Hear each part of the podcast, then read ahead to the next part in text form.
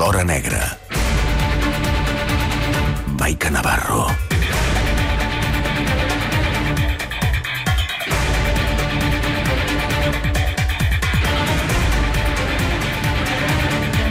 Passen 6 minuts de les 10 del matí. Um, avui, és que estava esmorzant, Maica. Avui des de la distància, bon dia, bona hora.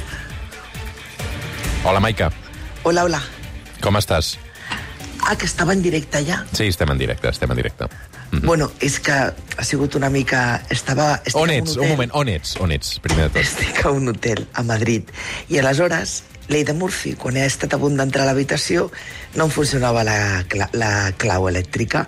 Ahà. I estava tirada aquí al passadís, però ha vingut de majordoma que ha passat per aquí i m'ha dit què fa vostè aquí tirada? I ha sigut aquesta conversa que potser s'ha colat sense voler en directe. Coses que em aleshores, passen ara, a ara ets a l'habitació o ets al passadís? Ara hi he entrat a l'habitació. Sí, ara he entrat a l'habitació. Jo, si ho volgués fer volent, tot això no... No ho podries no, fer. No podria fer-ho volent. et puc preguntar què hi fas a Madrid o no es pot saber? Sí, aquesta vegada no faig cap cosa així, és molt... mm, És, a dir, eh, no és secret. El, ahir al vespre, uh, Unicorn, que és la productora de, de la productora que fa, entre d'altres, el programa d'Anna Rosa Quintana, Ana Rosa, sí. etc. doncs va fer la festa de final de temporada. I què tal? I aleshores... La festa? Molt bé. Hi havia Ana Rosa, suposo, no? Sí, clar, Ah, i tant, i tant. Fins al moment estava Ana Rosa, estava eh, Joaquín Prat, Ana Terradillos, tota... Jorge Javier Maria Vázquez hi era? No, No hi era. perquè Jorge Javier Ah, Vázquez és d'una altra productora. Sí, ja, però de- potser. És d'una altra productora. No, no, no, va estar... El que passa és que l'any passat, aquesta mateixa festa, va, que jo no hi ha, jo feia uns quants anys que no anava a les fe... no, no havia coincidit i no havia anat, va passar una cosa que, que va donar molta... Bueno, va, va ser molt sonada, perquè una de les col·laboradores, Alba Carrillo, es va liar amb un col·laborador que era, no sé, recordo, un, un guàrdia civil, un que havia estat guàrdia civil. Vaja. I això ho van gravar i va provocar una gran crisi. Però ahir no va passar res de tot això. Que I això que sapiguem de estava jo. moment. I això que hi eres tu. Molt bé. o sigui, que has dormit sol a l'hotel avui, eh? Bueno, això tampoc, això tampoc for, no forma part del guió, no? Ah, no, no, no. Com que sempre te'l saltes. Uh, és mig quart d'onze del matí. Avui el focus de la Crònica Negra el trobem a Portugal. Perquè aquest mes de maig ha fet exactament 16 anys ja de la desaparició de la nena britànica Madeleine McCann. Uh, hi han algunes novetats sobre el cas, uh, i és que mm, sembla que la investigació uh, doncs, se centra després de 16 anys en un nom concret, de seguida uh -huh. hi entrarem, però, però a veure, um, posem una mica de context, és un cas mm, segur coneguts per tots, la desaparició uh -huh. d'aquesta nena. Um, recordem que la nit del 3 de maig del 2007 Uh -huh. uh, la Madeleine, els seus pares i els seus dos germans eren de vacances a Portugal. Els nens es van a dormir a l'apartament on era la família i els pares van anar a sopar amb uns amics en un restaurant molt proper. Uh -huh. Què va passar? Doncs que els pares anaven periòdicament a l'habitació a veure l'apartament um, com estaven els nens, fins que en una d'aquestes visites es van trobar que la nena, la Madeleine, havia desaparegut, Maica. Sí, una, una, uns fets que a més a més van donar la volta al món perquè es tracta d'una nena doncs això, molt, molt petita, una primera desaparició, es comença una, una recerca angoixant que, que de seguida, insisteixo, traspassa les fronteres no només de, de Portugal, sinó els, els mitjans britànics en comencen a fer un gran ressò i arrenca aquí una investigació per part de la policia portuguesa que sempre es va mantenir com absolutament nefasta. Nefasta. Nefasta perquè eh, des dels primers moments comencen a responsabilitzar els pares de, de la desaparició i treballen amb l'única hipòtesis que eh, haurien eh, adormit a la Madeleine i als seus germans amb una mena de medicaments que se'ls havia, hauria anat, entre cometes, de la mà, és a dir, que la nena hauria mort i que, i que haurien fet desaparèixer el seu cadàver. Uh, o sigui, i de fet hi ha un moment en què les, els investigadors portuguesos im, im, im, imputen aquesta desaparició uh, als pares que, fa, que passen a ser uh, imputats per la, per la desaparició de, de, la, de, la, de la Madrid. Fins al punt que en, el, en, a l'opinió pública general uh, es fa, hi ha el convenciment que els pares, eh, són el, especialment la mare, són els responsables de, de la desaparició i la mort de, de la petita. I aleshores, en aquell moment en què els pares són a l'ull de l'huracà, um, mm -hmm. ells pel seu compte contracten l'investigador, i aquí entra l'equació també uh, Maica Navarro, Francisco Marco, mm -hmm. que és exdirector de Método 3, bon amic teu, l'hem convidat alguna vegada en aquest espai. Uh, I aleshores, Francisco Marco um, es posa a investigar pel seu compte i apunta diverses pistes importants que ara, al cap de 16 anys, prenen també rellevància, perquè mentre la policia portuguesa es fixava només en els pares de la Madeleine, eh, Francisco Marco i els seus investigadors van apuntar ja una furgoneta sospitosa que aquells dies voltava per aquella zona, no, Maica? És, mm, és tal com ho dius, perquè en aquell moment, quan, quan la família McCann contracta a l'agència de detectius Método 3, que en aquell moment era eh, bueno, jo crec que era líder en el sector de, de les investigacions privades, no només a, a l'estat espanyol, sinó pràcticament a, a tota Europa. Eh, ell, des del primer moment, eh, resitua a tota la investigació i es fixa, eh, es fixa i pren molt de valor en els seus informes amb una furgoneta blanca que en aquells moments havia passat d'Espanya de, de, a Portugal i, a més a més, la ubica amb un embassament que és on ara la Fiscalia alemana ha posat a l'ull. I, a més a més, la tesis de Paco Marco sempre, des del primer moment, eh, va, es basava en que la Madeleine l'havien segrestat.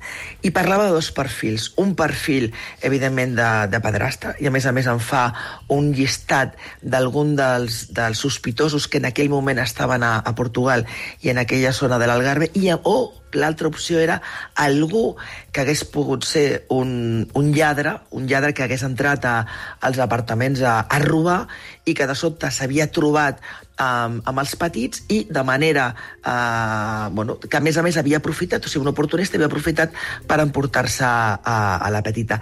Les dues tesis les dues tesis coincidien amb la persona que des de fa dos anys eh, centra tota la investigació, que ara ja porta la Fiscalia alemana, que entra també en aquesta investigació arran de l'aparició d'aquests sospitos del que parlarem ara.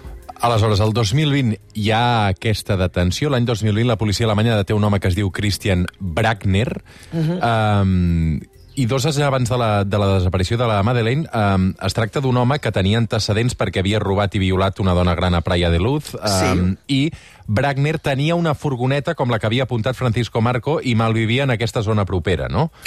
No només això, sinó que, a més a més, és veritat que eh, en aquell moment la, ja Escola Llat havia fet un llistat d'uns 600 sospitosos, 600 sospitosos, no estava aquest alemany en aquest llistat, bé perquè hi havia un, aquest element que distorsionava i que retirava el foc d'ell, que era que les seves uh, agressions sexuals no, no estaven en el perfil de, de menors d'edat, sinó de grans. De fet, havia violat aquesta dona gran, però és cert que en el moment de la seva detenció es troba en el seu apartament d'Alemanya tot un seguit de, de prendes de, de, de, de nens petits, de nens petits. I no només això, sinó que quan s'investiga i s'analitza el seu telèfon mòbil, es confirma que aquell telèfon mòbil ha estat, es posiciona al voltant d'aquests apartaments a Praia de Luz eh, els dies previs a la desaparició i també aquell mateix dia de la desaparició a la franja horària de la desaparició de l'arena justament en aquests apartaments. A més a més, ell era d'aquest altre perfil que et deia de que se l'havia detingut en alguna ocasió per accedir als apartaments turístics a robar. Mm -hmm. Doncs uh, aquesta és... Tenia una furgoneta, sí.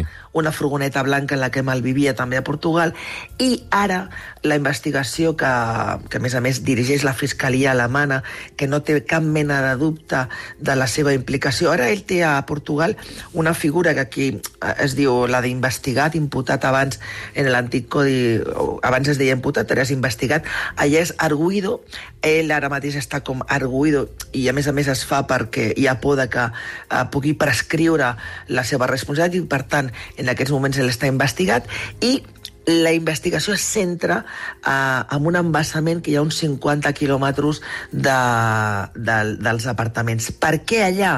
Doncs no ha transcendit absolutament res. La Fiscalia a la mà no porta amb molt de secretisme, però alguns mitjans, i amb el Francisco Marco parlant aquests dies, que està seguint molt de prop la, la recerca en aquest embassament, es sospita, hi ha dues opcions. Una, o bé que el telèfon, el seu telèfon mòbil, també l'hagin pogut ubicar en aquest embassament, o dos, que durant aquests dos anys de, que porta a la presó, amb algú pres de confiança que l'hagin pogut col·locar de manera intencionada, ell hagi acabat confessant o hagi donat alguna pista que hagi portat els investigadors en, aquesta, en, aquesta, en aquest embassament. No és la primera vegada que parla i parla, eh, parla d'aquest cas. De fet, ell tenia les, el, les intervencions, les comunicacions intervingudes i va arribar a explicar una vegada que sabia d'on estava, la, on estava la, la petita Madeleine tot seguit una sèrie d'elements que el fan com a, en aquests moments com a, com a únic responsable.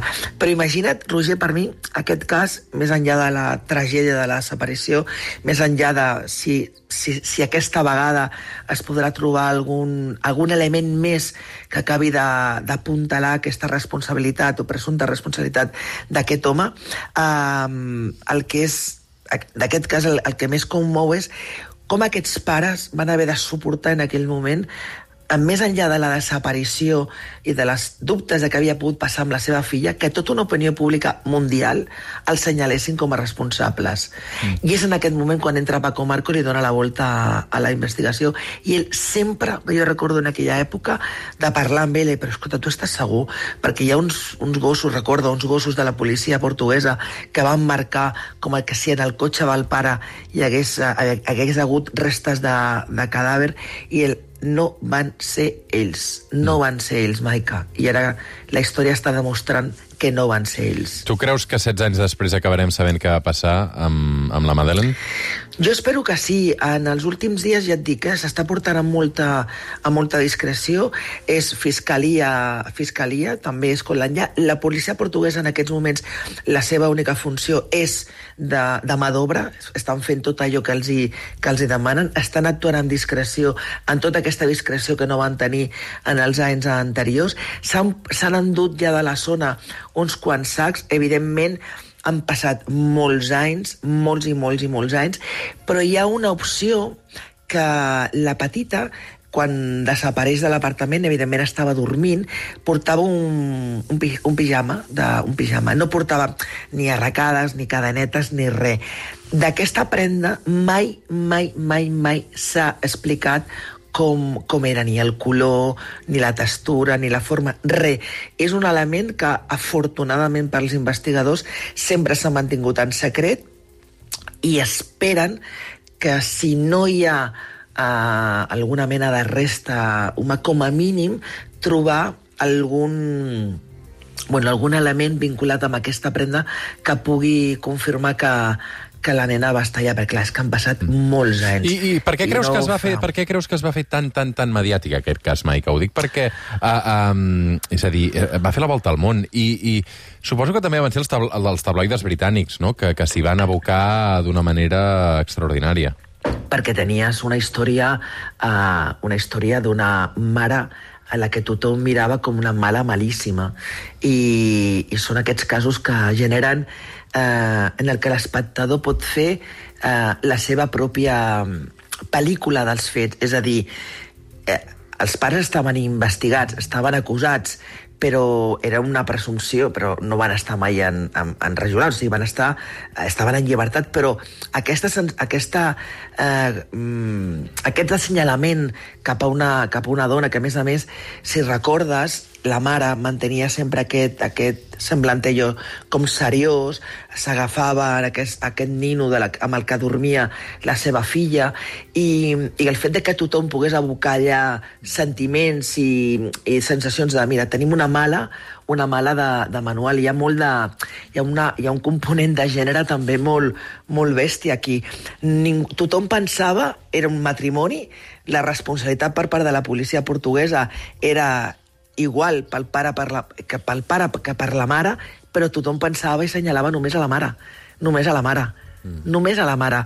El fet de i a més a més la, la gent es feia la seva pel·lícula, doncs això que podien haver, la podien haver adormit, tenir la sang freda de desfer-se del cadàver, però al mateix temps anar a veure... Jo recordo el papa demanar diners, van, van recollir milions i milions i milions d'euros de, de, de, de, de, en aquell moment per, per per tirar endavant una investigació en paral·lel perquè, bueno, perquè és que la policia portuguesa va fer una feina terrible, terrible, i són responsables de corresponsables d'aquest malson pel que han passat. Pensa que la, la Madeleine tenia tenia dos germans que, que els pares van, van poder apartar del focus, que la premsa britànica, tot i com és, van respectar aquests dos, aquests dos petits, que ja són, ja són grans, però, però els pares que ara ja porten un temps molt allunyats de, de qualsevol focus, pensa que aquests dies, per exemple, tot i, tot i que torna a ser notícia, no, no han aparegut, no volen fer cap, cap, bueno, que no, no, no, no, no, han aparegut i, i la premsa britànica en aquesta ocasió els està respectant perquè prou, prou se'ls va matxacar en el seu moment. Però hi ha un component de gènere d'ella tenint de sobte una mala una mala, una mala de pel·lícula la que, bueno, la que allò, vomitar tots tot els sentiments que un pot tenir, i per això va ser, va ser molt mèdica. A més a més, una nena blanca, petita, mm. guapa, podria ser la filla de qualsevol, que està dormint, pensa que tothom pensava la irresponsabilitat d'uns pares que se'n van a sopar i que deixen a tres nens petits sols bueno, estaven en, una, en un complex turístic que amb seguretat privada, que en principi no s'havia d'accedir, el, el restaurant al Tapas estava re a 5 minuts, s'anaven tornat cada 15 minuts amb uns altres amics per veure com estaven els nens, no només aquests, sinó també d'altres dels altres amics que, que sopaven en aquell moment. Es va fer un retrat robot del sospitós que no sé si s'assembla molt o no a, amb l'alemany que ara té, que està sota, sota la mirada dels investigadors, bueno, que està investigat, però, però no, tot i així, tot i així, tothom pensava que els pares, que especialment la mare, era la, era la responsable. Mm. I després recordo fa un parell d'anys que va aparèixer aquella noia polonesa dient que Exacte, a través d'un vídeo d'Instagram, no? Que, que era ella, que era la Madeline, uh, que, vas, que això va poder demostrar després que, que no era així, no? Que no era així. De fet, en aquell moment recordo que tots vam tornar a parlar amb el Paco Marco i, i ell des del minut zero, abans que ella fins i tot digués que, que finalment la seva mare expliqués que tenia un problema de salut mental i que, en fi, que, que, era un, que no era veritat, el Paco ja va dir que el Francisco va dir que això que no havia per on agafar-ho, que, no, que no era. Però mm, és, és, és terrible la història, eh? però sí que m'agrada que la Mètodo 3, que anys després seria demonitzada i va patir aquesta investigació de la que hem parlat en aquest programa i es va intentar assassinar professionalment el, el Marco, que es demostri que tota aquesta investigació que va liderar era era, era, estava focalitzada i portava un bon camí, era una bona línia d'investigació, doncs mira, eh, me n'alegro molt per ell i pel, i pel seu equip, i pel seu equip. Sí, sí, la veritat és que sí. Maica Navarro, avui eh, hem recuperat el cas de la Madeleine McKen amb les últimes novetats, també amb els vincles amb, amb l'investigador de Método 3, el, el Francisco Marco. Um, Maica, mira, et poso una cançó, va. A veure. Després de la publicitat del suplement Triquell, un dels uh, ah. grans reclams musicals que tenim en català ara mateix. Oh, aquesta, sí. cançó és, aquesta cançó de la Jugular és, és, és un hit brutal, eh? Ostres, aquesta és del Triquell? Va sonar ahir a la festa de, de l'Anna Rosa, Triquell? Mm, no. No. No la recordo. Esta no. no, no. no. Mira no que vaig ballar, eh, però però no, no, no, no, no. Doncs uh, el Triquill que va quedar segona eufòria i que ara està construint ja la seva carrera en solitari, era, musical. Era el preferit de la meva, de la meva neboda, de l'Olivia. Me'n recordo. Sí. Entre, entre fluids és l'últim disc, és un discàs, eh? està molt ben fet, ah, molt sí? ben produït i, i té un futur prometedor. Ara xerrarem una mica amb ell perquè té un món interior, aquest noi, que, que ah, val sí? la pena conèixer. Sí, sí, segur que t'agrada. Uh, Maica, moltes gràcies, una abraçada, bon viatge de tornada de Madrid. Adeu, carinyo, adeu.